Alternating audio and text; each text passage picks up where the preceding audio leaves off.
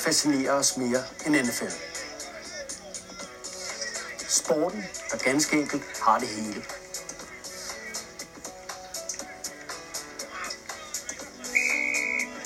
Et spejlbillede af selve den amerikanske sjæl. Velkommen til DNFL, den nationale fodboldlejestue. Velkommen til sæson 2, episode 4. Så er vi her igen.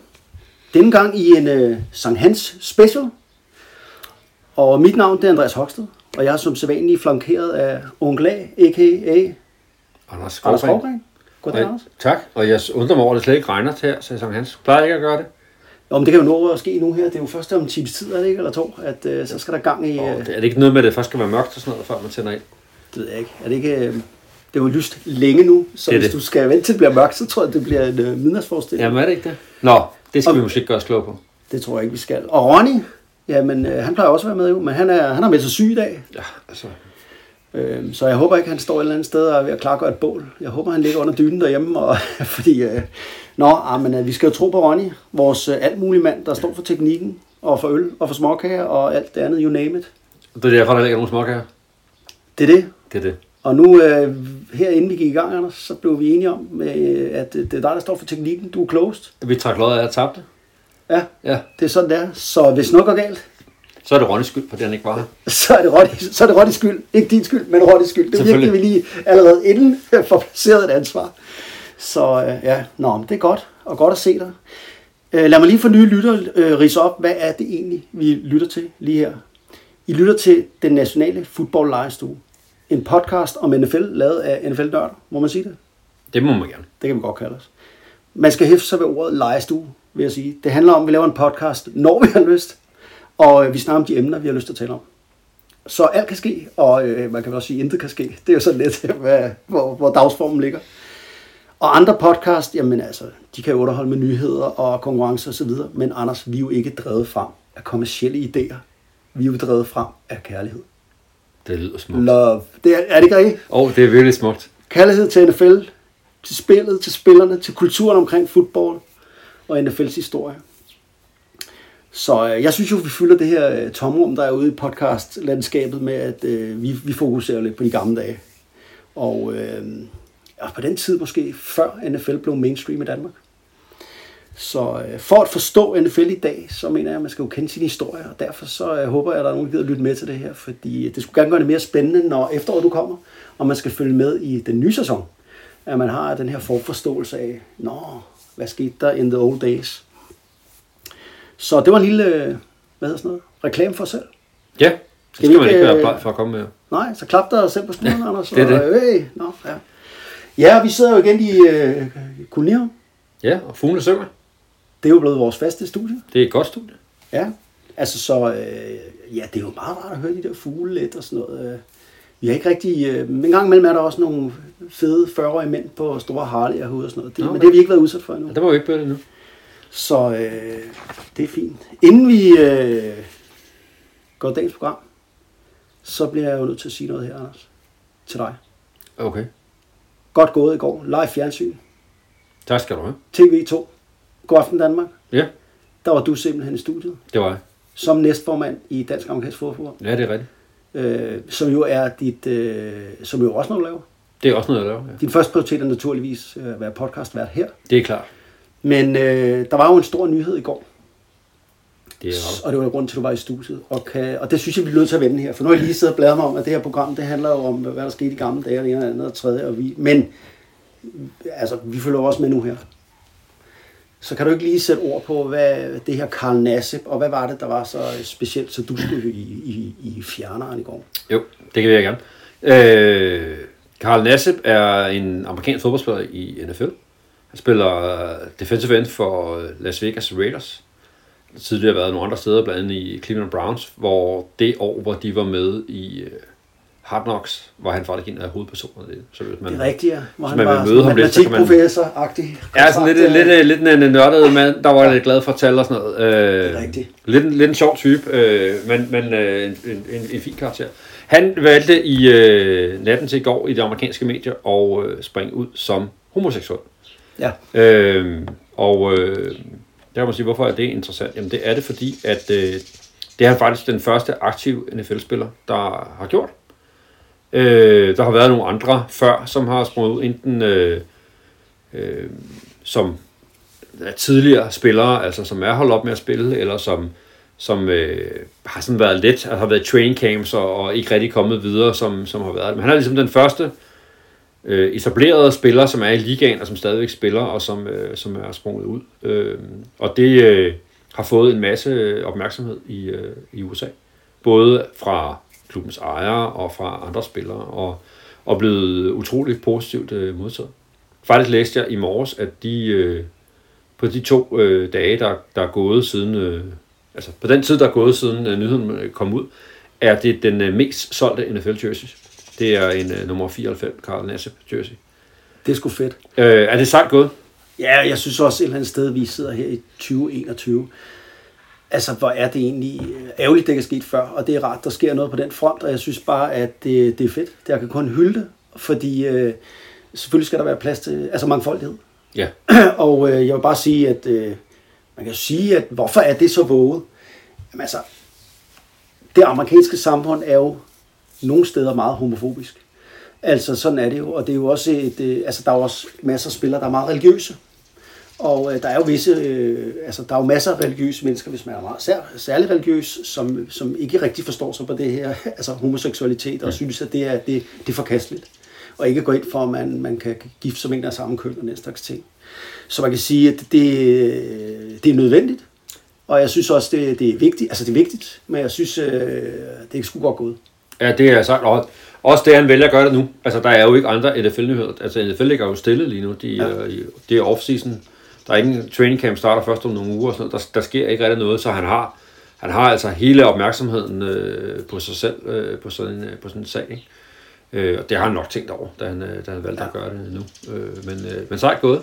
Hatten af for ham. Ja, så kan man sige, at jeg sad lige, da, da, da jeg hørte det her i går, og du, du skrev til mig, hey, for, har du set den her nyhed? Og så måtte jeg jo ind og google og læse lidt om det, og så var du jo fjernsyn og fortalte så flot om det. Og så var jeg inde lige og, og kigge lidt egentlig, og, og det er jo rart, at jeg kunne læse mig frem til, at Gallup har faktisk lavet en undersøgelse om, altså i USA, og øh, 70 procent af amerikanerne synes øh, nu, at det, det her, man kalder med same-sex marriage, altså at, at mænd må gifte sig med mænd for eksempel, at det er okay. Og det er altså rykket så 10 procent bare på fem år.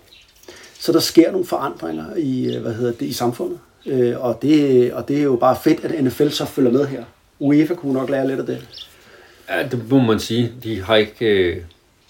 Og det er, jo, det er jo lidt det, der er lidt ærgerligt ved det, ikke? hvor vi ellers synes, at vi øh, på mange områder jo er væsentligt mere frisindede i Europa, og, og ikke hænger i, øh, skal vi kalde det, religiøse doktriner omkring, øh, hvordan man må leve sit liv og sådan noget.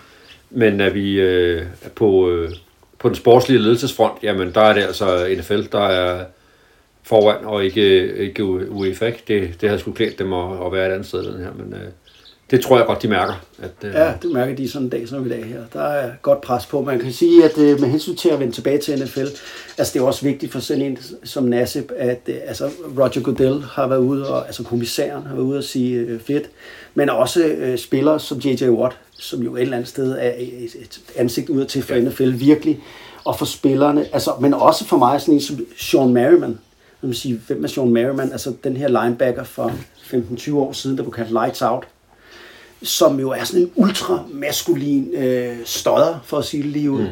Altså som sådan en alfa-han, og, og, og, og at, der kunne man måske godt tænke, det er sådan en træmand. Men han er ude og bagt op, det synes jeg var fedt. Ja. Øh, så øh, nå, der er skrevet nok, og der er skrevet meget om det her. Jeg ved ikke, om der er nok, men der er i hvert fald skrevet meget om det. Det bliver nok de næste par dage. Men, det, øh, ja. men øh, vi skulle lige give et uh, thumbs up til den gode Karl Nasse. Ja, og øh, så må vi se, om han spiller noget god fodbold. Han er jo backup i Raiders, hvor ja. han er end, defensive end. Det er Og han havde en alt for stor kontrakt. Ellers ikke på grund af det her, men fordi han ikke spillede så er det godt sidste år. Nej. Han er jo, da jeg så det Hard Dogs for nogle år siden, så tænker jeg, nå, er der også sådan nogle, øh, kan han være på det? Men altså, han kan jo noget. Han er jo sådan en pass rusher. Ja, ja, ja, som har han nogle moves. spiller. Men... Øh. Ja. Nå, det var Nassib, og det var jo egentlig ikke en del af dagens program, men det blev det så, fordi den her nyhed var så stor, så vi hævde den lige ind. Så lad os hoppe ud i det. Dagens program altså. Og jeg vil kalde det en, øh, jeg vil gøre det, en lækkerbis. Jeg synes ikke, med det godt program, vi har skruet sammen, Anders. Det er jeg ked at sige. Men, øh. Ja, men jeg kan næsten ikke vente. Altså, vi skal dykke ned i... Øh... Kan du høre det der? Ja, det er en mand med en sav, tror jeg. Er det en mand med en sav, eller er det en, en spætte, der er i gang? Det er ikke en spætte. Det er ikke en spætte. Okay, um, ja, du ved mere om naturen, jeg. jeg Ja, lige om du har- spætter kan jeg høre, for hvis du tror, det er en spætte, så... øh, Vi håber, han, øh, han kan dæmme sig lidt, ellers må vi råbe hen over hækken. Men vi skal dykke ned i dag i tåbelige trends og mærkelig overtro. Vi vender også lige øh, tjek udviklingen i ligaen med fokus på, hvad sker der inden for udstyrsfronten i de her år. Øh, og så skal vi øh, jo gå i dybden med quarterback Steve Bono, som toppede i 90'erne med Kansas City Chiefs. Det var jo den her spiller, vi udpegede ved et lykketræf, en tilfældighed i vores magiske fodbold. Og så sidst, så skal jeg læne mig tilbage og lytte til Anders' anekdoter. Var det ikke noget med, at det var noget med Bernie Kosers backup? Det er noget med en backup quarterback. Okay, du venter med... Jamen, det, det er sådan, Jamen, vi skal være. ikke... øh, Nu har jeg aller... Altså, jeg er faktisk aller... Skal du øl? Vand? Hvad skal du have? Vand. Vand er godt. Jeg vil bare lige sige til dig, at øh, du skal få et glas vand. Men det er jo Sankt Hans. Det er det. Og der plejer man jo godt... Og der må godt være lidt frivol og løs stemning. Så jeg har taget... Og det er ikke Albani, jeg har taget med i dag. Nej, Det du er har en... Øh, spanderbukserne på, kan jeg se. det er en... Ah. Mecklenburger fra, øh, ned fra Rema til en femmer. Okay. Men øh, ja, jeg er ked af at sige det derude, at øh, vi er ikke sponsoreret af Albani, som vi kom til at prate på et tidspunkt. Det er os selv. Det må vi trække tilbage. Nå, er du klar? Skal vi, skal vi, hoppe, skal vi hoppe ud i det? Ja, lad os gøre det. Okay, jeg har valgt at kalde øh, det her emne, vi skal i gang med nu, for øh, hold nu fast.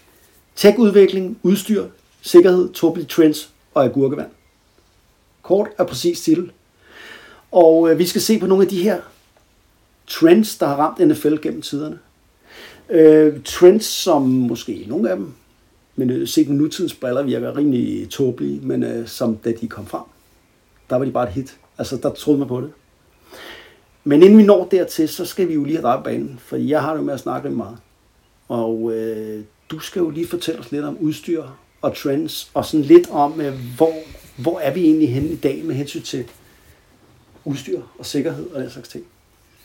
Jamen, det er jo et, øh, et, et område, der er heldigvis er sket rigtig meget på inden for, øh, for det sidste år. Man kan sige, at hele det her med øh, hovedskader har jo været et, øh, et, et kæmpe issue for, øh, for NFL med, med folk, der har senfølger, som sådan noget jo hedder i dag, er det, øh, og hjernerystelsesprotokoller, hvor man Meget jo... moderne ord. Senfølger. Ja. Ja, men det kan man vel godt kalde det. ja, ja. Øh, og en masse tragiske historier om, om den slags, som man jo har, har ryddet op og indført øh, altså som en protokol for, når nogen får en, en hjernerystelse, hvordan tjekker man det så, og man ikke får dem på banen, og det er neutrale læger, der skal gennemføre det og alt det her. Men det har også øh, afstedført en teknologisk udvikling på hele udstyrsfronten, og primært på, øh, på hjelmfronten, altså hvad, hvad Ja. hjelmet kan. Øhm, og der må man sige, at, at, at der, er, altså, det, der sker hele tiden en udvikling, og, og, og de hjelme, der er i dag, er, er en helt anden kaliber, end de var for, for bare øh, 5-10 år siden, men jo især også for, for en 20-25 år siden, hvor, hvor meget af det øh, ellers kom fra. Som netop er jo sammen med, med regelændringer og, og, og regler for, hvornår et, et, et hit er lovligt, og, og hvad man må og sådan noget, øh, er, er væsentligt med til at, at skulle øh, beskytte spillerne. Og man kan sige, at det er jo et eller andet sted rigtig, rigtig vigtigt for sporten. For en ting er selvfølgelig, at, øh, at, at, at unge mænd ikke skal få ødelagt deres helbred. Det tror jeg nu, undskyld mig, NFL måske kunne være lidt ligeglad med. Men, men det handler jo et eller andet sted også om, at lige pludselig man ikke... Hvis lige pludselig amerikanske mødre ikke sender deres børn til amerikansk fodbold længere, fordi de bryder sig ikke om, at det er farligt. Ja. Altså, tænker vi, det er der, hvor man gør en kæmpe stor indsats i øjeblikket, fordi det, det, man har jo fundet ud af, at det er jo ret farligt. Det er farligt at få hjernerystelse. Ja. Øh, det er det. Og det har man jo... Øh, der har man jo så været, kan man sige, NFL har været foran, eller amerikansk fodbold har været foran med at lave en masse regler og en masse systemer for, for de her ting. Og man ser jo i flere og flere stater, at der bliver indført øh, aldersgrænse for, hvornår man må spille tackle football. Altså øh, små mm. børn ikke må, øh, at man skal være nået en vis alder. Og det er jo også noget med, at den forskning, der findes inden for hjernerystelser, er, at det er faktisk farligere at få en hjernerystelse, når du er barn, og din hjerne ikke er i udvikling, end det er, når du er voksen, øh, og den er færdigudviklet. Altså bare for, ligesom, altså nu har vi jo begge to spillet amerikansk fodbold Og vi har jo ikke taget skader. i 90'erne, og vi har jo overhovedet ikke fået godt. Nej, altså jeg vil sige, at øh, der lærte vi jo, altså jeg brugte jo mit hjelm som våben. Altså det var jo en del af, at man skulle ramme modstanderen, øh, hvis man kunne sætte hjelmen på bolden og ramme, eller øh, ramme så hårdt som muligt. Ja, det kan godt være, reglerne foreskriver, man ikke bruge, og ikke øh, som sådan bruge sit hjelm som våben. Men, men det gjorde man jo. Der var jo ikke straffe. Man fik jo ikke en penalty for at bruge sin hjelm dengang.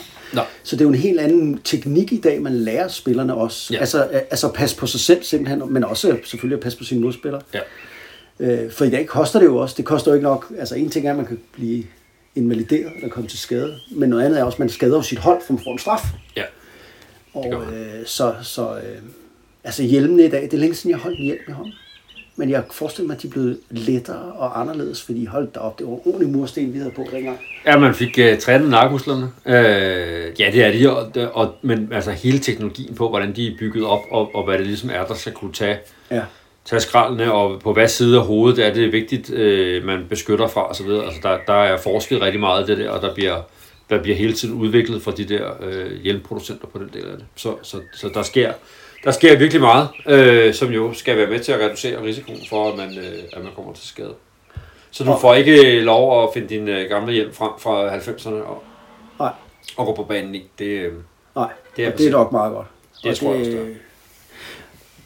Altså, når vi nu snakker om udstyr, så kan jeg jo godt tænke mig, fordi det her øh, emne hed jo tech, udvikling, udstyr, sikkerhed, tåbelige trends og agurkevand. Det husker vi alle sammen, sagde lige før. Og der var bare, altså kan du huske neckrollen? Neckrolleren, ja. Altså neckroll. ja.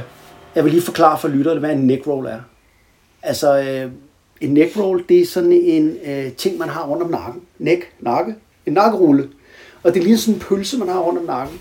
Og alle linemans og linebackers og alt muligt andet i 70'erne og 80'erne og i start 90'erne, de havde neckrolls på. Jeg kan også huske, at vi har spillet med spillere, der havde neckrolls på. Ja. Jeg nævner igen som Finn Eising, øh, som vi har spillet sammen. Han havde sådan en neckroll på.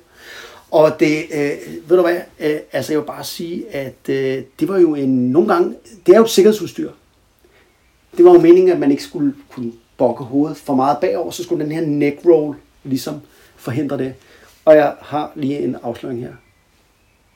Det virkede overhovedet ikke. Det var ren mode. Og det ser pis godt ud. Hvis man ser Howie Long, eller øh, Jack Lambert, eller nogle af de gamle drenge. Øh, Hvis man ser fodbold 80'erne og 90'erne, så vil man se, at øh, der har de alle sammen sådan en neckroll på. Og i dag er spillet jo ændret sig, fordi i dag handler det om smidighed. Det handler om at undgå hittet. Det handler ikke om at kunne modstå hittet og, tage imod, og, og, og, og ramme hinanden så hårdt som muligt. Det handler om at, at, at, at snyde hinanden og være, være atletiske, og, og det er også måden, man fører at undgå skader på. Men neckrolls, Man ja. tænker også, de blev udviklet, fordi man havde så mange, der brækkede nakken, når de fik bukket hovedet bagover, at det var nødvendigt. mode. Vel? Det var der vist ikke rigtig nogen af. Og så udviklede det sig jo. Neckrollen var jo den her hvide pølse, man så havde bag, men den, lige pludselig så var det ikke smart mere. Så var der en spiller, Dal Johnston, fullback for Dallas Cowboys. Han trådte lige pludselig på banen, da Dallas var allerbedst i 90'erne. Med sådan en lækker, smart, sort ting om bag nakken, der sad som sådan en ja, skudsikker vest inden under udstyret med sådan en op om nakken. Altså, der er sådan en krave, der stod Ja. ud i... Og det var cowboy -colleren. Og det hedder en cowboy collar. Og jeg måtte lige, fordi jeg havde jo sådan en, da jeg spillede også. Det, jeg synes simpelthen, det var så fedt. Og det var jo også et stykke udstyr, man købte, fordi det skulle beskytte ens nakke. Mm, tror jeg, de solgte under, men det var igen ren mode. Og hold kæft, hvor så det fedt ud. Når man ser slut 90'erne amerikansk fodbold, også i college, så vil du se folk med cowboy collars. Og så måtte jeg skulle lige ind og undersøge det cowboy collars shit der, ikke? Og det firma, der producerer det, de øh, måtte stoppe med at producere det først i 2014, og det gjorde de simpelthen, fordi nu, øh, nu var det ikke smart mere. De solgte simpelthen, altså det kunne ikke betale sig at producere. Nu er det gået imod. Ja, man havde formen til det og alt det her, men det, det, det var må du jo sige, nu, ja, det kan ikke, altså omkostninger ved at lave det var større end, øh, men altså, og så, så har vi jo haft de her varianter. Øh, jeg ved ikke, om du kan huske øh, Brian Cox fra Miami Dolphins. Jo, jo, han havde det der strygebrættet der. Han havde strygebræt. Lignede det i hvert fald. Steve Empman. Ja. Strygebræt. De har simpelthen, jamen, altså forestiller dig et strygebræt bundet på ryggen, op I- bag om hjelmen. Det er bladet. sejt. Ja. Og øh, altså man kan sige, hvem spillede med det? Det gjorde linebackers, fordi, og hvorfor gjorde de det? Det tror jeg også var sådan noget med, at man lignede en Terminator. Man så bare, øh, Jamen, så bare skud med den på. Hvad så er det, vi bare skal ud den på? Og, og det er jo der, hvor vi kommer ind til, ja, men altså, øh, intimidering. Altså det der med at iscenesætte sig selv, det betyder altså noget i fodbold. Så har vi haft nogle øh, sådan lidt, øh, lidt sådan, altså hvis du kigger i det hele taget på en amerikansk fodboldspiller i dag, han ser jo helt anderledes ud med hensyn til hans udstyr. I gamle dage, og der snakker jeg jo om igen 80'erne og 90'erne, kæmpe store skulderbeskyttere, beskyttere, beskyttere. Altså store lårpads, kneepads, sågar nogen, der gik rundt med, med, med skridtbeskytter. Gør man jo slet ikke i dag. Nej. Og det handler jo om, og hvorfor gør man ikke det? Det handler jo om, om fleksibiliteten. Ja. Bevægelighed, fart, altså alt du skal bære på, så varer du noget mere, så bliver du langsommere. øh, Altså, ja. du er bedre til at undgå hittet, du er bedre til at bevæge dig. Det hele er, det hele er skælet ned i de der ting. Det må man bare sige. øh, Det, det, Det, er fordi lige pludselig, det går der også langsomt. Og man kan sige, øh, og, lige, og mindre bevægelig. Og det er fordi spillets filosofi har ændret sig. Det er det, der er så interessant. Så, så når trænerne på banen, og når spillet udvikler sig i en anden retning, så udvikler udstyret sig også. For det handler ikke kun om sikkerhed. Det handler også om at føle sig til rette som atlet, og føle, at man kan frit udfolde sig som atlet bedst muligt. Mm. Så derfor så er det jo fuldstændig utænkeligt i dag, sådan som spillet har udviklet sig, at man ser folk med alt det her voldsomme udstyr, man havde tidligere. Og det er markant. Der er en markant forskel. Det må man sige. Der skal man bare lige øh, google lidt øh, billeder af gode NFL-spillere fra sen 80'erne og start 90'erne, så kan man se, hvor... Ja, eller endnu bedre se en kamp, fordi mange har en anden, altså bolden blev også kastet i gamle dage, og den blev også kastet meget. Altså sådan som Dan Marino kastede mange yards, Ja. og der er også kampe, hvor det bliver kastet rigtig meget. Men, men hele øhm, filosofien var det her med, at, øh, at man, man løb altid på første down, som vi har snakket om her i programmet, og man, man i fjerde down og en, der, der, løb, der pakkede man sig med sådan sådan noget med mange mænd mod mange mænd i goal line situationer og slags ting. Og det handler om store inside linebackers. Ja, og det var en kamp på styrke, ikke? Jo, Størrelse og styrke, det var ligesom det, man konkurrerede på, ikke? Jo. Og det gør man jo ikke i dag. Og det, der er det udviklet sig. Der er det mere et spørgsmål om hurtighed, øh, smidighed. Øh. Ja, hvis du ser spillerne, de er faktisk også blevet mindre. Altså i 90'erne, der topper øh, NFL-spillerne jo i, altså, i vægt. Øh, altså, fordi øh, det kan jo også være en ulempe at være for stor. Ja. Altså, øh, vi har jo set det de senere på at øh, linebackersne er ret små. Altså, de skal kunne komme fra side til sidelinje, og øh, de der inside linebackers, man havde førhen, de findes ikke mere. Nej, de er væk. Øhm, så jeg synes, vi nævnte Andy Katzenmøjer på et tidspunkt i vores programmer. Ja. Sådan en som ham, jamen, han ville ikke blive draftet af i første runde. Nej, det vil jeg ikke. Og når vi nu snakker om, jeg synes, nu vi snakker om udstyr, og øh, altså, okay, man må også bare sige, at der er også mange andre, altså Wisers. Ja, Selvom der ikke ved, hvad en Wiser er, så er det jo en, et, eller et eye shield. Det er en solbrille, eller et slags visir, man har på sin hjelm. altså inden under selve facemasken, så det sidder på indersiden, som, ja, som et stykke ja. dykkermaske, var jeg lige ved at sige, som sidder på indersiden af, af hjelmen, som man kan kigge ud af, og som jo kan være klart eller i en eller anden grad tonet i øh, Ja, sågar i spejl. spejl, blev det også lavet. Altså, øh, jeg kan da huske, at øh, i for nogle år siden, der Florida State, det var meget vigtigt, man tog sin trøje op under, under udstyret, så man kunne se mavemusklerne, og så havde man øh, gerne sådan et shield på, så lignede man... Et spejl der, det var... Altså, visors, det er jo meget sjovt, fordi den her øh, slags... Øh, ja, hvad kaldte du det? En slags plastik, hvad det hedder, plastik foran øjnene, Ja, er jo faktisk udviklet i sin tid til, at NFL-spillere brækker en gang mellem næsen, eller får fingre i øjnene. Ja. Det kommer selvfølgelig an på, hvad for en face mask man har, men, men øh, det, det hænder. det kan ske. Og, det, og der kom de her eye shields, visors, de blev lige pludselig til sådan en ting, men så kunne man ikke få fingre i øjnene, eller komme til at forbrække sin næse. Ja. Men der udviklede det sig jo også, fordi hvis du... Øh, atleter jagter enhver lille fordel, de kan få. Og en fordel kan jo være, at modspillerne ikke kan se, hvor du kigger hen med dine øjne. Og Daniel Tomlinson, det er jo ikke mange år siden, han spillede. Han havde jo dispensation til at spille med en mørk visor, fordi hans læge, han har været lysfølsom.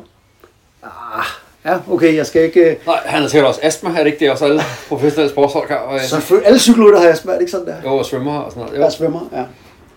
Altså, Daniel Tomlinson, den her fantastiske running back, som nu er i Hall of Fame, han spillede jo med en mørk visor, og han har jo også selv været ude at sige, jamen, det giver jo noget, når man står som running back, at man kan kigge hen, hvor man skal løbe, uden modspilleren kan kigge og aflæse ens ja. øjne eller ens ansigt.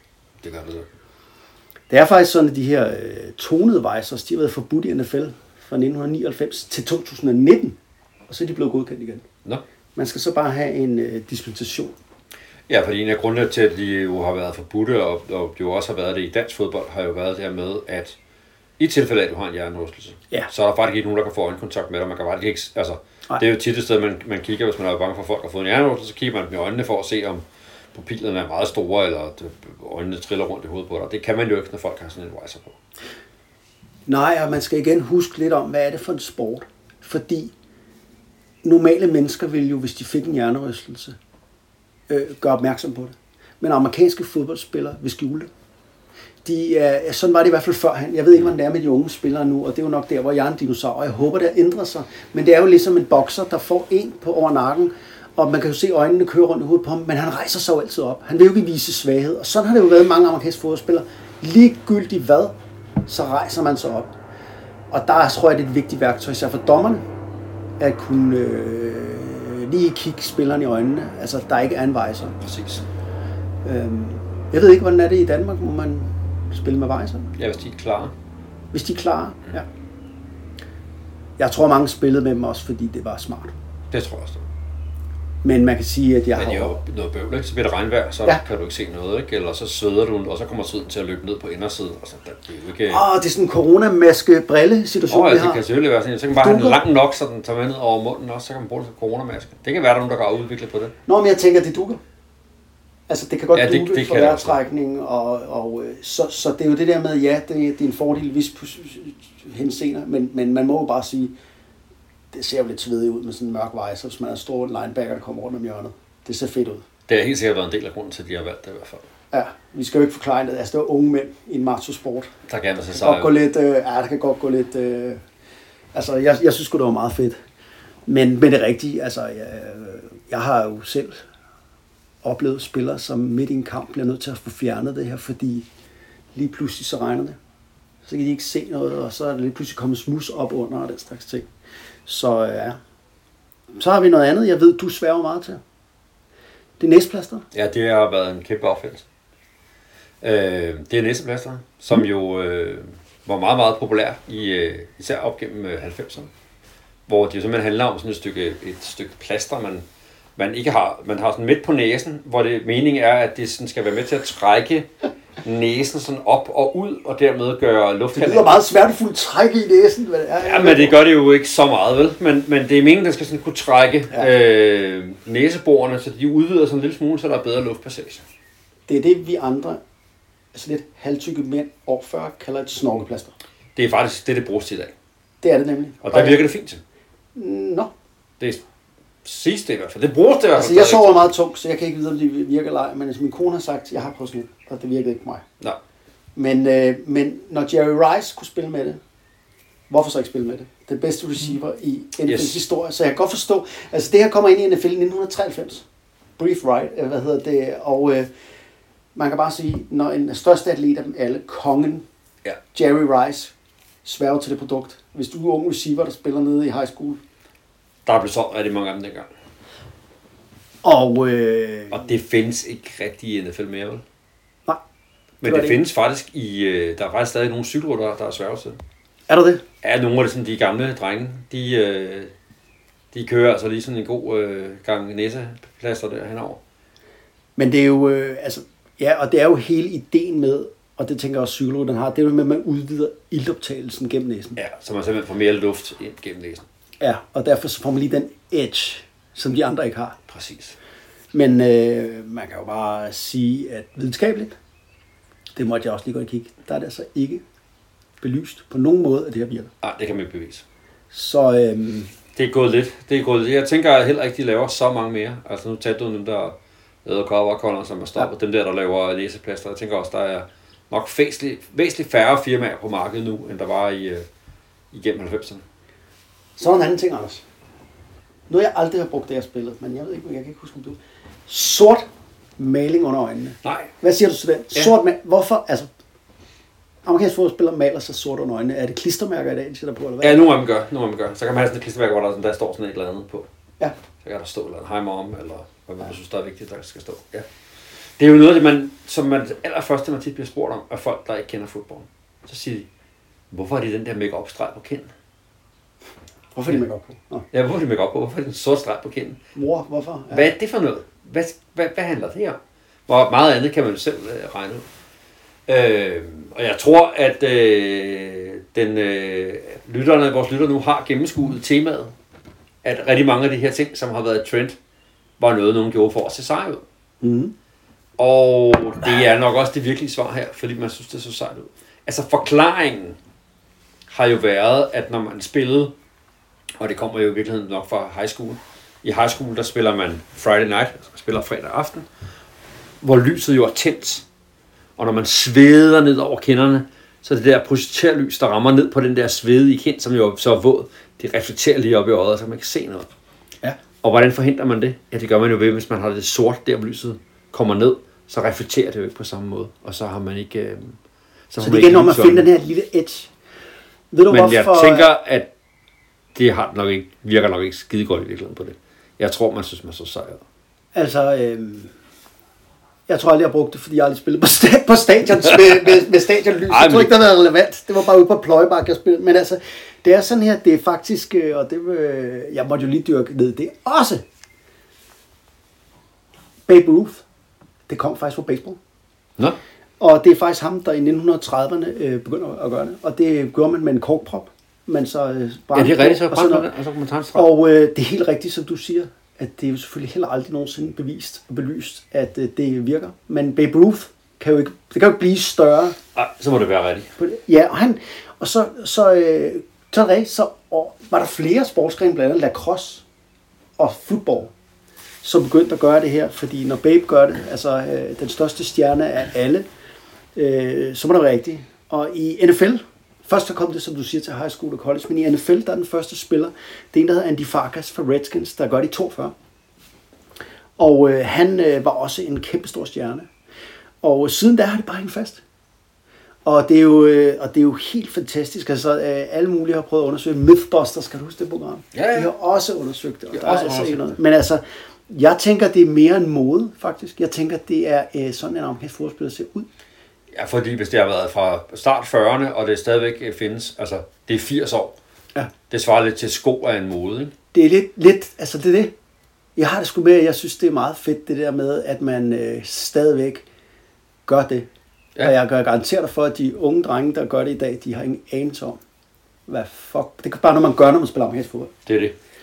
Så den synes jeg faktisk var meget sjov, øh, og øh, ja, igen er det jo de her atleter, som øh, vil have en hvilken som helst edge, og, og så ser du jo nogen, som også du nævnte, Reggie Bush, som begyndte, han var den første på at have budskab i dem. Ja. Så kunne der jo stå et eller andet, øh, og Tim Tebow har jo været notorisk kendt for at have religiøse budskaber i sin øh, make-up under øjnene.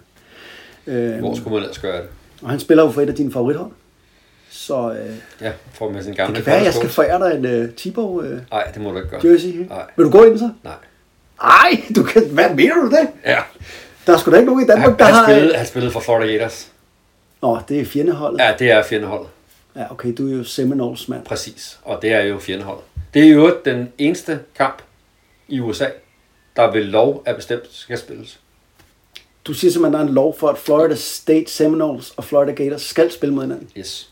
Det var nogle fornuftige politikere, de har der for. Ja, det er i staten for det. Der har man på et eller andet tidspunkt vedtaget ved lov, at øh, de kunne bare en eller anden gang, kunne de ikke helt finde ud af at øh, få den der kamp ind i programmet hver år. Så sagde man til sidst, prøv dreng, det går ikke. Det skal folket have. Det skal der. folket have. Det skal vi have afgjort, det der opgør. Så den uh, skal jeg spille. Det er, jeg elsker amerikanere. Det er genialt, det der. Og øh, ja, til dem, der ikke er så skarpe i college fodbold, så er det jo to af de aller, aller, aller mest prominente college fodboldhold. Og et par af ærkerivalerne, ikke? Når man slår op Jo. på den store liste af ærkerivaler, så er det, så er det en af dem. Ja, så du vil ikke gå i en Thibaut jersey? Nej, det kommer ikke til at ske. Åh, ja, okay, men øh, så, slipper, så slipper jeg for at punkte den ud til dig jo. Så skal vi til noget mere. Vi skal til noget mere, og, og, og så igen, virker det, virker det ikke? Øh, Anders, øh, kan du huske The Pickle Juice Game? Det er ikke sikker på, du kan. Nej, det siger mig noget, men jeg kan faktisk ikke sådan helt... Øh, det, ja, men jeg er sikker, sikker på, at du kan, vil fortælle mig historien. Det er der ved. Fordi at øh, i år 2000, faktisk 3. september 2000, der spillede Eagles, Philadelphia Eagles, ude mod Dallas Cowboys. Det var to rivaler, må Ja. man sige, der hader hinanden. Og øh, hold nu lige fast, til den kamp var der 43 grader varmt. Det er den øh, varmeste øh, kamp, der er målt i NFL. Øh, faktisk blev der målt 54 grader visse steder nede på banen. Og så skete der det, at øh, ja, placebo nu må vi se. Men altså, Eagles, de havde en, øh, hvad hedder det, en fysisk træner, der hed Rick Burkholder. Rick Burkholder, har du aldrig hørt om, det er jeg heller ikke. Han besluttede sig for, at øh, øh, inden kampen, så sagde han til Eagles spiller, prøv her, for at undgå at krampe op, så skal I drikke det, der hedder pickle juice. Fordi det gør, at I øh, modspillerne, de vil krampe i den her varme. Det vil I ikke, og I vil øh, se forskellen ude på banen. Det der skete, det var, at de drak pickle juice. Alle Eagles spillere, fordi de lytter jo på deres... øh, Altså vandet træning. fra, når man har saltet agurker og syltet agurker. Vand. Ja, altså hvis man ikke lige ved, hvad det er. Pickle juice er nemlig lagen, rettere bestemt den overskydende saft for pickles, eller det man kalder syltede agurker. Så når du øh, sådan en gang syltede agurker, du køber ned i brosen, eller hvor fanden du Ud med agurkerne, og så ned med vandet. Lige præcis. Det sagde han, det skal I drikke. Så går vi til at vinde den her fodboldkamp, vi kommer ikke til at krampe. Og det der skete, det var, at øh, Eagles selvfølgelig udslettede Dallas Cowboys. De vandt 41-14, og øh, de spillede med overskud, og øh, alle var glade. Og øh, Deuce Staley, running back for Eagles, løb mm. for over 200 yards i kampen alene. Han jo sådan en bullerbast, der løb lige ud, og kunne ikke så meget andet end løbe lige ud. Men det gjorde han, og han gjorde det igen og igen. Og han fik ikke kramper, for han havde drukket sin pickle juice. Og øh, det blev mytisk, fordi hvad helvede er der sket her? Og efter den kamp, så satte Brigham Young Universitetet sig for at undersøge, kan det virkelig passe? Og må jeg høre, hvad er de bud? Jeg tænker, at da ikke alle drikker pickle juice i dag, når det er meget, meget varmt, så er der nok ikke den helt store effekt ved det.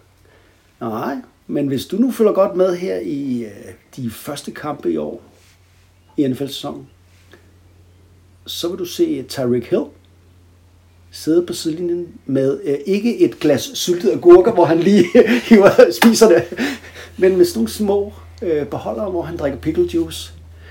Øhm, så det findes, og det er faktisk bevist, det virker. Nå. Ja, det er faktisk ret specielt. Og nu skal jeg lige... Øh, Altså, men det er da sjovt, at det ikke er et øh, kæmpe branded produkt til øh, sportsfolk, så. Ja, det er det faktisk. Men det er sådan, at det gør, at øh, hvis du kramper, så hvis du drikker øh, 50-70 ml pickle juice, så, øh, øh, hvad hedder det, øh, så forsvinder krampen meget, meget hurtigere, og chancen for, at du får øh, genkramper, er meget, meget lavere. Og i det hele taget er der også øh, bevist, at det er sværere at krampe. Og det skyldes formentlig eddiken, men man ved ikke hvorfor, der er i. Men øh, det smager jo ikke godt. og desuden så, øh, altså, øh, jeg tror bare ikke, det er smart. Jeg tror simpelthen ikke, folk gider, og, altså, Nej, men det er stadig uh, the edge for at kunne vinde. Altså, det, det, ja. jeg skulle tro, det var blevet. Siger Brigham Young University. Ja, ja, men det skal vi jo ikke øh, afvise. Jeg tænker bare, tænk der har den mindste edge, der kan give folk. Tyreek Hill, han sværger til den. Han vil ikke udgå med en eller anden krampe, når han skal lave en eller anden kick-off return i, de, i den varme sommerhed i Kansas City. Nej. Så øh, man kan faktisk købe det i... Øh, altså, der er producenter, der producerer det som sportsdrik. Så, øh, men altså, okay... Øh, nå, var det noget? Øh, Næste gang du det skal ud og spille øh, stangtennis med ungerne? Var det Ja, i noget med- 45 graders varme, ja. Det sker nemlig tit. Åh, det har været 32 grader sidste Ja, uge. det har været varmt. Det har været varmt. Det, det, er, det er bare ikke så tit, det er så varmt. Det. vi var midt i Afrika eller noget. Altså, nu er vi nået dertil, hvor... Øh, skal vi ikke have noget drik? Jo, lad os gøre det. Ja, det skal ikke være pickle juice. Jeg har ikke pickle juice, der er heldig. Jeg har en Det været vand eller kaffe. Ja, det er også for dårligt. Men øh, det er jo sådan noget, Ronny skulle stå for. Ja, hvad sker der? Ja, Det er ikke at regne han har lagt sig syg. jeg er sikker på, at han er ude og stange pindsvin ud af nogle bål et eller andet sted. Han er stikker ikke syg, du. Pindsvin. Jeg bliver at prøve den der Mecklenburg. Ja. Til Karl. Til ære for Karl. Karl Mecklenburg. Mm. Hvem fanden? Åh, The Snow Goose. linebacker. Denver Denver Broncos. Broncos. Ja, The Snow Goose. Karl Mecklenburg. Meget, meget bleg mand. Skål. Jeg drikker så øl af kop. Ja, det er et glas. Et lille sejt at have tilnavnet Snikåsen. Mm. Ved du, hvorfor han hed det? Det var så bleg, at jeg havde helt hvidt hår. Ja, præcis. Ja. Som en snikår så åbenbart ser ud. Ja. Mange af de her snedyr er jo faktisk, fordi de er hvide. Man kalder dem noget med sne. Ja, det Det giver er jo sådan en så. sneharre og en snerev og sådan noget. Det er vel fordi, de er hvide. Og nu blev det så, så sådan et øh, biologi-program, det her. Ja. Øh, ja. Det er der mange samtaler, der kan til. Edinburgh. Nå, Vi mangler noget. Vi har snakket om udstyr. Vi har snakket om fjollet øh, påfund. Øh, og, og nogen, der ikke var fjollet. Men hvad så med, kan du huske dengang, der var barfodet sparker og punter i NFL? Ja, det kan jeg. Og jeg kan faktisk huske, at en af de allerførste kampe, jeg så, der var det med en Vikings, tror jeg, havde en barefod kicker. Det Og det var jo røvkoldt. Det og han skulle øh, have sko og strømper af, og han skulle ud og sparke i sne og sådan noget. Det virkede altså totalt fjollet. For mig der giver det ingen mening, fordi hvis man har prøvet at sparke til, altså en amerikansk fodbold er jo pumpet hårdt, og øh, hvis man skal losse den ind i røven, altså så skal man, øh, jeg tænker det går ondt, det må jeg sige. Ja, jeg tænker også, det gør forholdsvis snart. Men altså, barefod kickers, det findes ikke i NFL mere.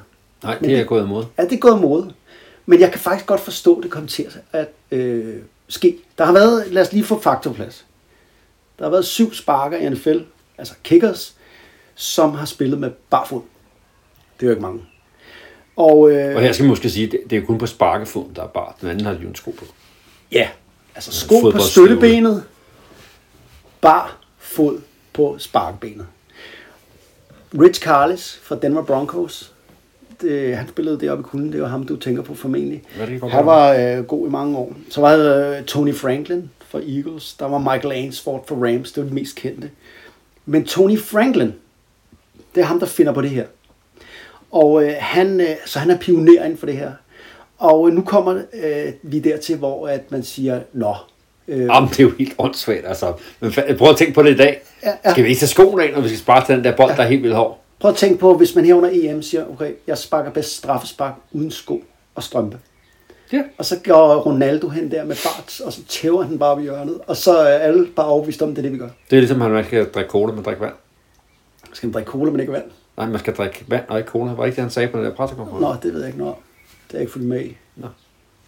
Men Tony Franklin, det var lidt det her. Fordi det, der sker med Tony Franklin, som for øvrigt bliver draftet i tredje runde i 1979 af Eagles, det er jo rigtig, rigtig højt. Han, øh, da han gik i college, der spillede han for Texas A&M. Og der scorede han med bar skinke, ikke? En 65 yarder og en 64 yarder Hold da. i samme kamp. Som, Okay. øh, Det er rimelig vildt. 65 yarderen var, øh, da han sparkede den, ja, øh, nej, da han sparkede 64 yarderen i kampen, der var det det, det længste nogensinde spark i college historie. Den blev Ja. slog han så senere med at sparke en 65 yarder i samme kamp. I samme kamp. Den holdt ikke længe, den der 64 yards rekord. Når han går så går ud og så siger, prøv at her, er der nogen, der er i tvivl om, at hvis man skal sparke længst og bedst, så skal man sparke den bare til Han var den eneste, der gjorde det. Så kan man godt forstå, at der er nogen, der hopper med på den der. Ja, det må man sige.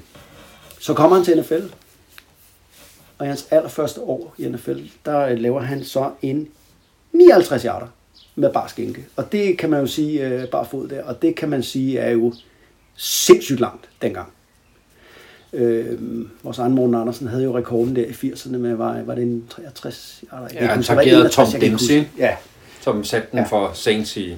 men bare lige for at sætte det i perspektiv, altså i 60'erne, 70'erne, 80'erne, der, der, der sparkede man stort set ikke fyldgårds over 50 yards. Det kunne kickerne simpelthen ikke. Så, så hvad hedder han, Franklin her, han satte gang i en trend, fordi han var jo øh, skidegod. Altså, man kan sige, og Rich Carlett er jo kendt for, så ham nævnte vi også, afgøre The Drive i overtime i iskold Cleveland, hvor han spiller for Denver, hvor de så kommer i Super Bowl, den her øh, legendariske kamp, hvor han skaffer Denver i Super Bowl 86. Men så sker der jo det, at øh, man finder nok ud af, at øh, de der sparker, de er faktisk ikke så præcis alligevel. Det var faktisk Tony Franklin, der kunne det der. Og øh, Monik han havde kunne det lige så godt med støvle. Jeg ved det ikke. Det ender i hvert fald med, at det uddør. Og, øh, og det gør det øh, omkring 1990. Men så sker der faktisk lidt noget sjovt. Og det er i 2002. Der er Rams, hvor de er rigtig gode jo. The Greatest Show on Turf. De har en kigger, der hedder Jeff Wilkins. Og øh, han starter faktisk det år med spark med barfod. Fordi det har han øvet sig i, han synes alligevel, det, det er rigtig godt. Det kan noget, det her. Og der rammer han så på 9 ud af 12 spark. I de første, øh, inden for de første 8 uger. Hvorefter han så igen Så tager sin støvle på. Jeg ved ikke, om det var fordi, at øh, hans klumpfod var hævet. Der var nogen, der sagde til ham, skal du blive her, så er det med støvle på. Jeg synes, det er fuldstændig sindssygt. Altså, jeg vil... Øh, don't do this at home, er det ikke det, de altid siger? Jeg, jeg synes Jo. faktisk, I skal ud og gøre det. Kom så derud, Ja, ja, lytter. Tag noget af den der fodbold, og så gå ud og lost den med bare tær. Ja. Øh, og så kan man sige, øh, altså der spillede man også på turf. Hård turf. Så hvis du lige ramte lidt for lavt, ikke? Var hakket lige ned i jorden, det der bare fod. Du skulle lave halvdækkende vristbakke med. Man kan sige, at der var også nogle ponders, der prøvede det, og de var øh, dårlige. Så ponder kunne havde åbenbart ikke bedre følelse. Det gav ikke noget for ponderen. Nej. Er vi ikke ved at... Øh, er det ikke nok med øh, Tosset påfund, tænker du? t- tech-udvikling, udstyr, sikkerhed, Tobel Trends og agurkvand? Jo. Altså, vi kunne blive ved. Der var jo ellers øh, stickum og spatting og... Øh, nå, nå, Der er masser af ting. okay. Er det nu? Er, er det... Slut! Ikke flere fjolletheder nu. Ah, det var... Øh, ja, det var faktisk... Øh, det var meget sjovt. Ja, det var sgu de fjollede ting, folk har fundet på i tidens løb. Altså, jeg tror sgu, at for eksempel de der plaster over næsen, det spillede rigtig mange NFL-spillere med. Jeg tror faktisk, de troede på, at det virkede. Det tror jeg, de gjorde. Og nogle gange, så ved du godt, troen flytter bjerge. Det er det. Det kan den. Nu skal vi øh, til et andet punkt. Anders' anekdoter hedder i dag. Vi skifter lidt. Andreas anekdoter, Anders anekdoter. Nu er det dig, der skal på øh, Ja. talerstolen Ja. og underholde, og det glæder jeg mig rigtig meget til. Ja, men øh, det er jo endnu en, øh, en øh, oplevelse fra en rejse i øh, USA, i fodboldens eget land. Øh, vi talte jo tidligere om, øh, at jeg havde mødt en øh, backup quarterback til øh, Bernie Corson. Og øh, det var det nok ikke helt. Øh, det Så var, du løg. Du Øh, startede med at lyve. Ja, det. jeg har husket historien forkert, tror jeg. øh, de har muligvis øh, mødt hinanden. Øh, de spillede på samme skole. Mm. Øh, og øh, de har spillet for University of Miami. Ja, stort universitet, ja. Og øh, de vandt en række mesterskaber i de der år. Og øh, ham jeg mødte hedder Alan Hall.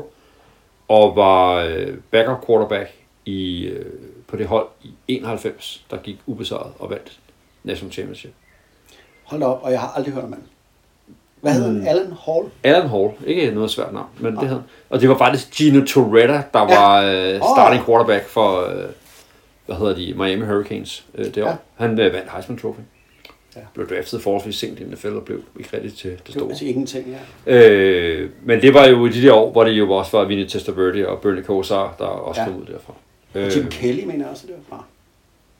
Fra Øh, før ja. Bonnie Koster. Ja. Ja.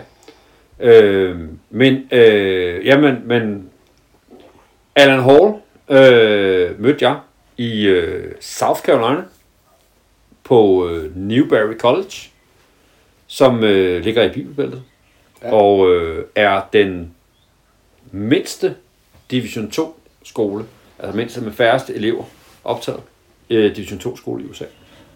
Prøv lige at fortælle, hvad er Division 2 skole? Altså sådan kort. altså, hvor Det er langt- nede i rækkerne.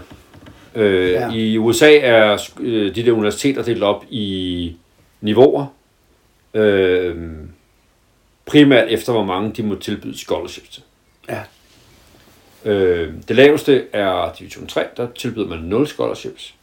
Ja. På Division 2, der er det par 20 scholarships, de må dele ud, men der må de dele dem op, så du kan få en, et halvt scholarship eller et kvart scholarship. Og et scholarship er betalt skolegang. Du skal betale for at komme på universitetet i USA. Får du et scholarship, så kan du få det helt eller delvis, og det betaler sådan noget. din Så det kan nogle high school atleter, der er dygtige til det, de kan få et scholarship til et eller andet, Ja. kan blive tilbudt sådan et. Ja. Og få betalt en skolegang, Ja. fordi de er gode til idræt. Ja. Ja. Og er du rigtig god til det, så kan du blive det på et eller andet sted, hvor du kan få et, det man kalder et full ride, altså hvor det dækker hele året.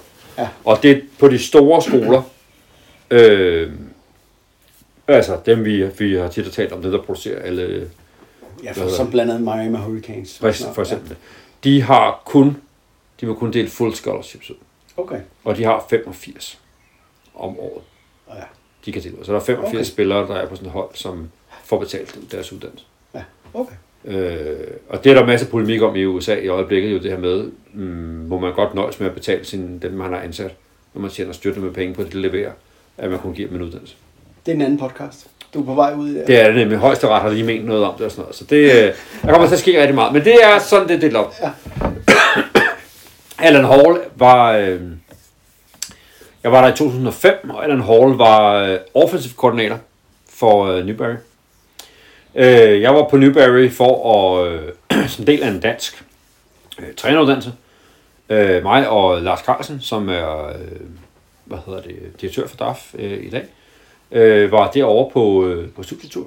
Og øh, vi øh, havde fået kontakten til dem fra en øh, legendarisk øh, amerikaner, der spillede i Danmark, Sean Thacker, Ej! som Nå, var øh, ja, er defensive line coach på øh, Nå. gamle Oaks-spillere, øh, mm. som var defensive line coach på Newberry. Og jeg har taget fat i ham og sagt, vi skal lave noget studieophold, vi skal finde et eller andet sted at besøge nu. Kan vi ikke komme over og besøge jer? Og det kunne vi selvfølgelig.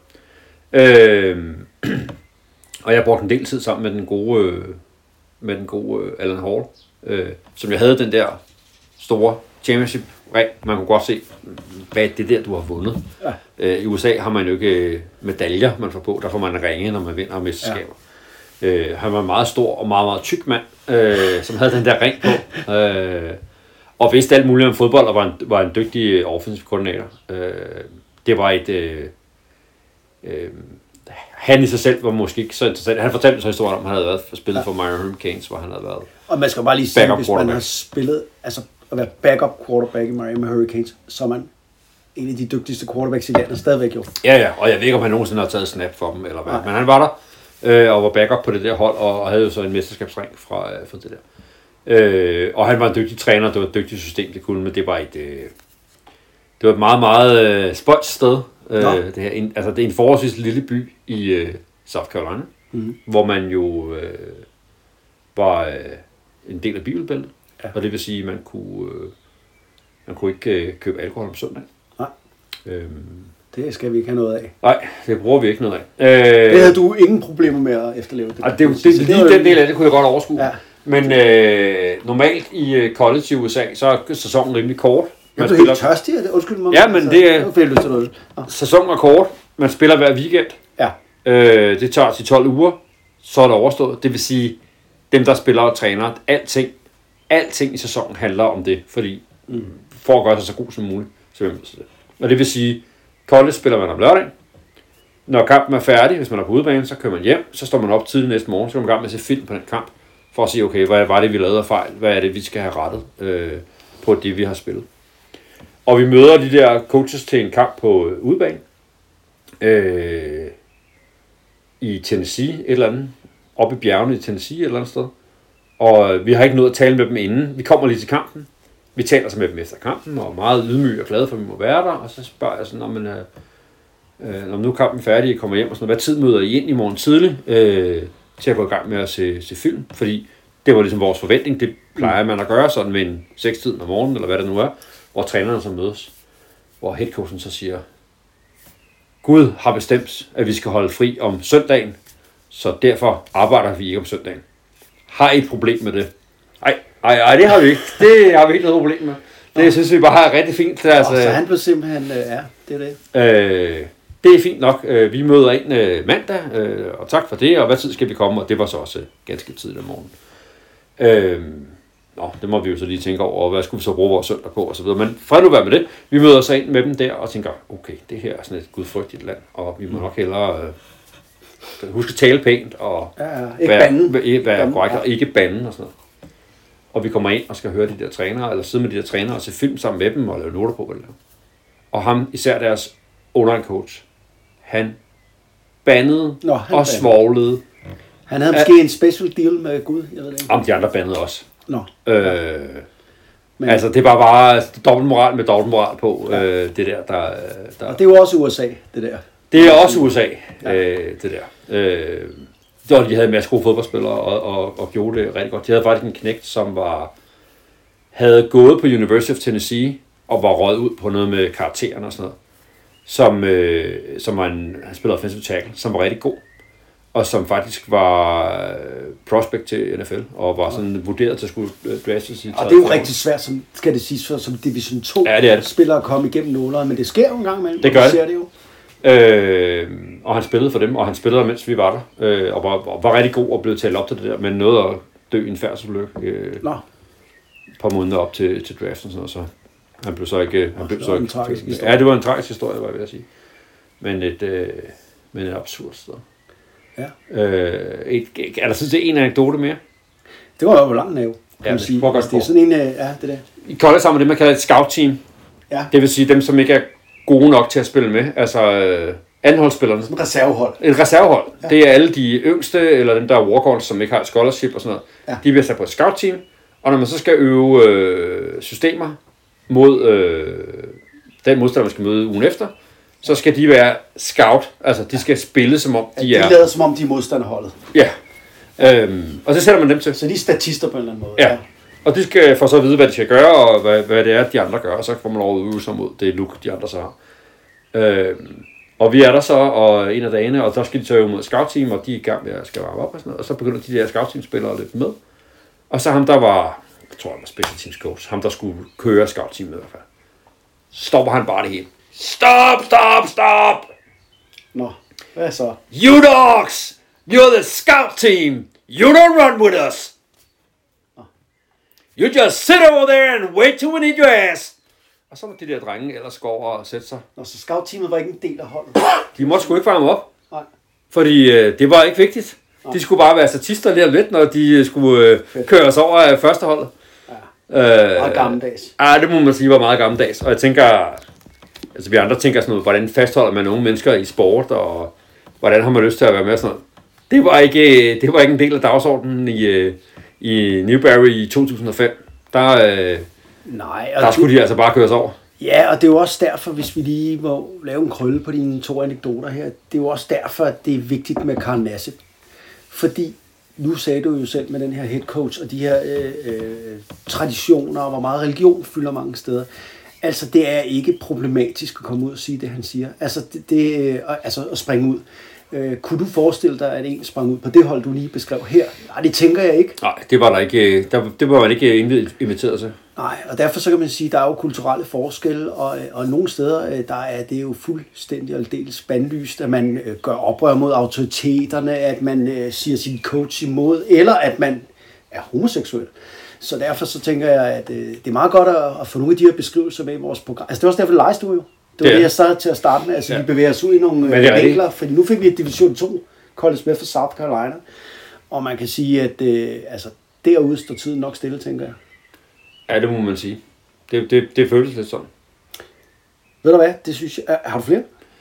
Der- Der er mange, men øh, jeg tror, vi stopper med dem der. Ja, det, det, det er jo lige fordi, du har drukket øh, en halv Mecklenburg-burger her, så, det du, det. øh, Så, så kan du vælter du her. med... Holder du aldrig kæft, jo. Der er anekdoter fra... Jamen, jeg, jeg synes virkelig, det var interessant at høre om, fordi at... Øh, altså, du fik beskrevet det meget godt, man kan næsten mærke det. Altså det der med, at den der dobbeltmoral, som man ser, altså med dry counties, som man har nogle steder i USA, hvor Ja. ja. man må ikke drikke der, og så Ja. ja. må man, altså man, du må ikke øh, som 16-årig øh, røre, eller 18-årig eller 19-årig røre alkohol, men du må godt have et fuldautomatisk øh, Yes, yes. våben. Så alle de der kontraster der. Men tak for det. Velkommen. Og øh, nu vil jeg øh, ydmygt hoppe, nu har vi talt rigtig meget af, så nu vil jeg se, om jeg kan gøre det lidt hurtigt. Vi er jo allerede på i en times tid, tror jeg.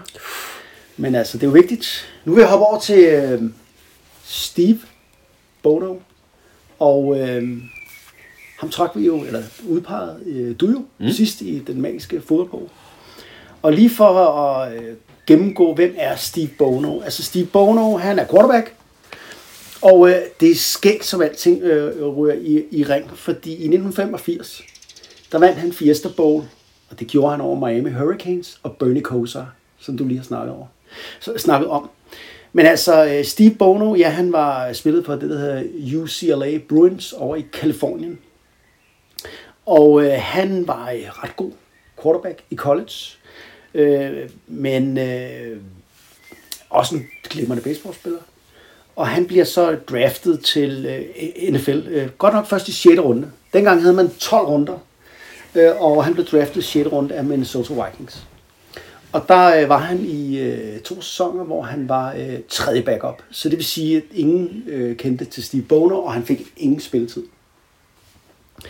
Steve Bono, det er noget, der er karakteriserer hele hans karriere. Altså han spiller faktisk i, i 15 år, mener det er, i NFL. Og det meste af tiden, der er han backup. Han er øh, clipboard-manden, der står derude. Men altså, han, øh, han er fanget her i Minnesota, og på et tidspunkt, så vil han jo gerne prøve at, at, at få der spilletid, og han får så løb, altså bliver fritstillet og kommer til Pittsburgh Steelers, hvor han er nogle år. Og der får han faktisk øh, lidt kontroversiel spilletid. Fordi i 1987 er der jo spillerstrække. Og der er jo tre øh, uger, hvor at, øh, NFL-spillerne øh, strækker og ikke spiller. Og NFL-ejerne siger, det, vi finder nogen, der vil spille. Og øh, NFL-spillerne buer dem jo og laver jo ring om, mm. og altså, siger, I er jo skruebrækker og slags ting. Og Steve Bono spiller de kamp, og, og, kommer til at gøre det rigtig godt. Han har nok set det som, jamen prøv her, øh, øh, det er mit levebrød. Altså jeg skal vise nogen, at jeg kan spille fodbold, fordi hvordan skal jeg ellers servere mad på bordet for min familie? Og han gør det. muligheden for at kunne bevise, at jeg kan noget. Ja, holde sig øh, relevant i ligaen. Mm. Han, får, han, får vis, han får, kommer ind, og, og der er noget bånd af ham. Altså han får øh, spillet. Og han spiller faktisk rigtig, rigtig godt. Og det gør jo nok, at hans hvad hedder det, karriere bliver øh, forlænget. Det er sådan, at efter strækken, så var han tilbage på bænken. Øh, men altså, øh, datidens mastodont i NFL, San Francisco 49ers, har set nok kvaliteter i ham til, at de hyrer ham på en kontrakt, hvor han så bliver backup. Øh, og det er jo nok det sted, hvor der er mindst chance overhovedet for at komme til at spille, fordi øh, han er backup til, ikke nok med, at han er backup til Joe Montana, men Joe Montanas backup er jo Steve Young. Så han er tredje mand igen, og vi skal jo lige nævne Joe Montana og, og Steve Young er jo begge to Hall of Fame quarterbacks. Det er jo nogle af de bedste quarterbacks, der nogensinde har betrådt en fodboldbane. Så der er han fanget der. Det er sådan i 1991, altså fodbold er jo en brutal sport. Joe Montana er ude med en alvorlig skade. Og Steve Young, han øh, bliver også skadet, da han er inde og spille. Og der kommer Mr. Bono her så ind. Og han spiller fremragende. Han, han spiller rigtig, rigtig godt. Det er også et rigtig godt hold, han kommer ind på. Øh, for the Niners. Der er ingen mangler på det her fodboldhold. Men altså, han, han spiller også godt. Altså, det, det er ikke noget med, at øh, de vinder på trods af ham. Han spiller øh, fantastisk. Og øh, Steve Bono, han får, øh, hvad hedder det, øh, altså det her vindue får vist verden, at, at, at nu, han kan sgu godt spille starter. Han kommer til for, eller for Fortnite til Kansas City Chiefs. Kansas City Chiefs har hyret Joe Montana. Også for 49ers. Ja. De tager dem begge to til. Og, det, og Joe Montana ved alle, det her er hans karrieres efterår. Han har måske et år, måske to år tilbage. Han ender med at spille to år Joe Montana, og så er det sådan øh, planlagt, at Steve Bono skal overtage, og det gør han også. Og Steve Bono øh, kommer jo så ind her i 1995, og der øh, er han bare fremragende. Altså Kansas City Chiefs er AFC's bedste hold i år, og øh, han bliver Pro Bowl-spiller, og han bliver valgt til Pro Bowl som quarterback. Men det der er med ham, det er, at han er meget øh, lidt kreativ. Altså han, han han tjekker hele tiden bolden ned, som man kalder det. Han er ikke særlig risikovillig, og han, han er måske lidt fans, der kan ikke lide ham. Altså synes, der sker, han kan ikke grave sit hold ud af, hvis de er bagud, for eksempel. Han kan ikke kreere selv. Han er sådan en, en driftsikker, øh, forlænget arm af træneren. Han, øh, så, så der går ikke længere en, øh, en øh, ja, så starter han året efter, da de er ikke så gode, og så bliver han faktisk slået af af Elvis Gerback, Elvis. Som også er gammel for en spiller. Og så, så hører man ikke rigtig mere fra Steve Bono. Men øh, altså, øh, og hvordan er hans, øh, altså, nå, det var den spiller, vi pegede på, og jeg tænkte, hvad fanden, nå, det var jo bare, det var jo en lang karriere, ja. og det var da meget sjovt. Men, men nu kommer der så noget, som, øh, som jeg synes er rigtig spændende med ham. For det er faktisk, øh, under min research af Bono, der kunne jeg, jeg kunne huske tilbage, at han i Kansas City lavede et meget, meget langt touchdown run. Exceptionelt langt. Og det må tænkte, det måtte jeg gå ind og google, hvornår var det, det var. Det var nemlig i 1995. Der løb han en, hold fast, 76 yard touchdown. Og et, nå, siger man så, det er jo, det er jo fint nok, men, men det er faktisk sådan, at man øh, nørder, rigtige nørder i NFL, har studeret det her. Og det viser sig, at, øh, at de her, øh, ja man kan næsten kalde dem forskere i fodbold, har sagt, at det kommer aldrig nogensinde til at ske i NFL's historie mere. Det regnes som den mest åbne touchdown nogensinde. og for at det kunne lade sig gøre, så var der nogle helt, helt unikke omstændigheder lige på tidspunktet skete. Og det skal jeg selvfølgelig remse op nu. Fordi det her det er en fodboldhistorie. Han, han, det var sådan, at det var en helt unik situation. Vi skal huske på, på det her tidspunkt, der er Steve Bono 33 år gammel. Steve Bono, han øh, er en quarterback, der er stor og rank, som ingen atletiske evner har. Han er en, der står nede i lommen, kaster bolden. Han kan intet skabe med sine ben. Det er sådan, at han øh, på det her, altså lad os lige sætte det i relief, i hele hans 15-årige karriere, hvis du lægger alle løbeyards til sammen, der er han løbet 181 yards.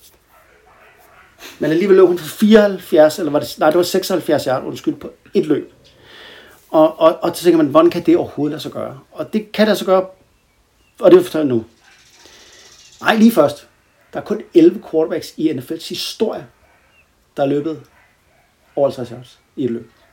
Så han er jo, øh, øh og det er jo sådan nogle Michael Vick, øh, Don McNabb, sådan nogle folk. Det er sådan, at øh, til den her kamp, i 1995, på tidspunktet, nu helt ned down, står 0-0, og man spiller mod Arizona Cardinals. Det er, øh, det er en tredje downer en. Kansas City er, øh, har en træner, der hedder Marty Schottenheimer. Han blev, øh, havde en speciel slags fodbold, der blev kaldt Marty Ball det var, han var løb altid. Han løb og løb og løb og blev ved med at løbe. Han, kunne, øh, han kastede aldrig bolden stort set. Altså nu er det jo selvfølgelig sat ud i lidt i... Men, men det der var i det, det var, at alle tendenser tyder på, at det her skal være et løb. Samtidig så sker der det, at Kansas City, de øh, smider, tager alle deres receivers ud og liner op med ekstra linemans og tager tunge folk. Så øh, det tyder jo også på, at Martin Schottenheimer og øh, Kansas City Chiefs med verdens langsomste quarterback vil lave enten et sneak eller et løb op i midten. Så sker der det, at øh, hvis vi samtidig bliver med med at analysere ned i spillet, så er, hvem er ellers på banen? Det er Tony Richardson, fullback. Tony Richardson, som er en glimrende fullback, han er en blokerende spiller. På det her tidspunkt i Tony Richardsons karriere, der har han, har han løbet på bolden en gang. En gang. Og vi ved jo, det har vi jo snakket om her, The Analytics of Football. Så Cardinals har kigget på båndene. De har hævet statistikken. Tony Richardson får ikke bolden. Det har han gjort én gang i hans karriere. Han får den ikke.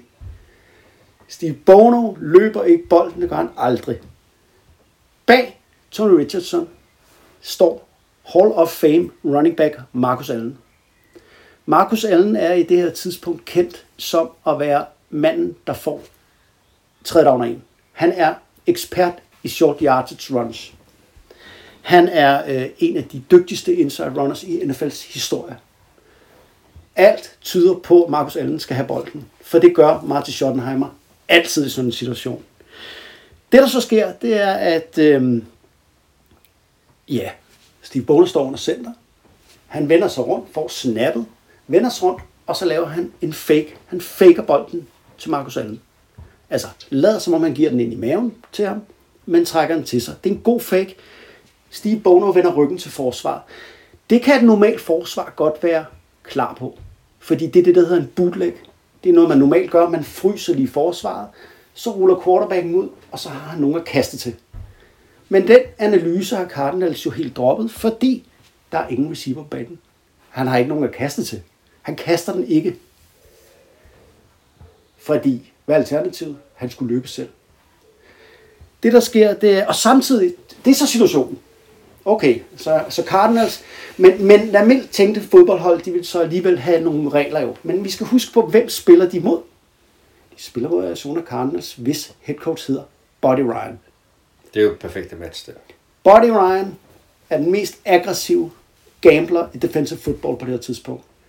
Han har en linebacker coach og en secondary coach. Det er hans to sønner.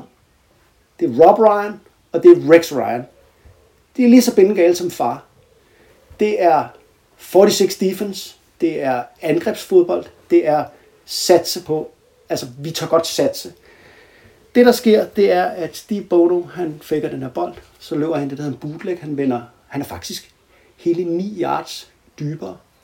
Og så begynder han, der er ingen, der ser, han har bolden. Man ser, ja, 21 spillere ryge i en stor klynge ind i midten, for alle tror, Marcus Allen har bolden, der løber om midten, og alle rører ind på den. Og Steve Bono, han kan løbe med sådan et, øh, ja, ikke rollator-tempo, men lige deroppe i, ned ad banen. Og det er faktisk sådan, at man i frame, altså tv, der kan man slet ikke se nogen spillere. Det eneste, man ser, det er på et tidspunkt Marcus Allen, der kommer op, som lægger sig ned og nyder spillet på maven. Sidder og sidder og spiller.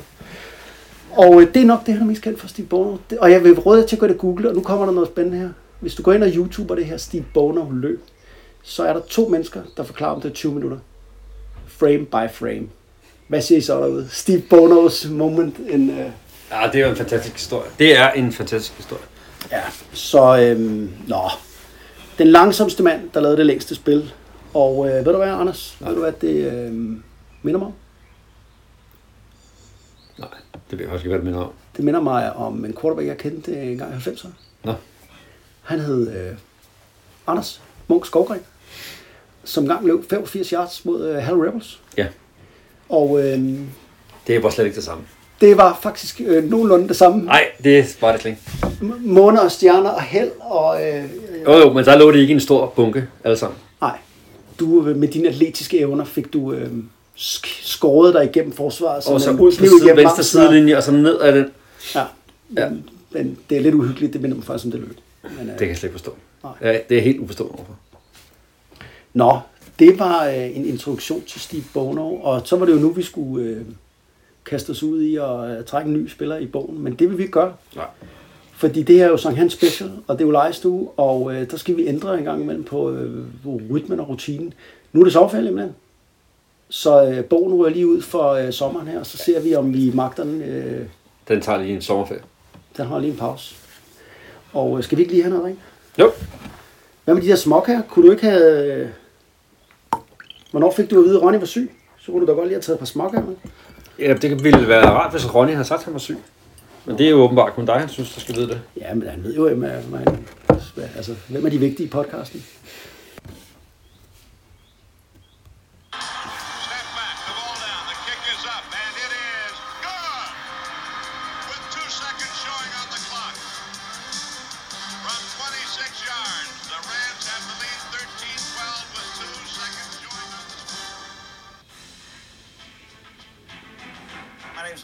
Lansford.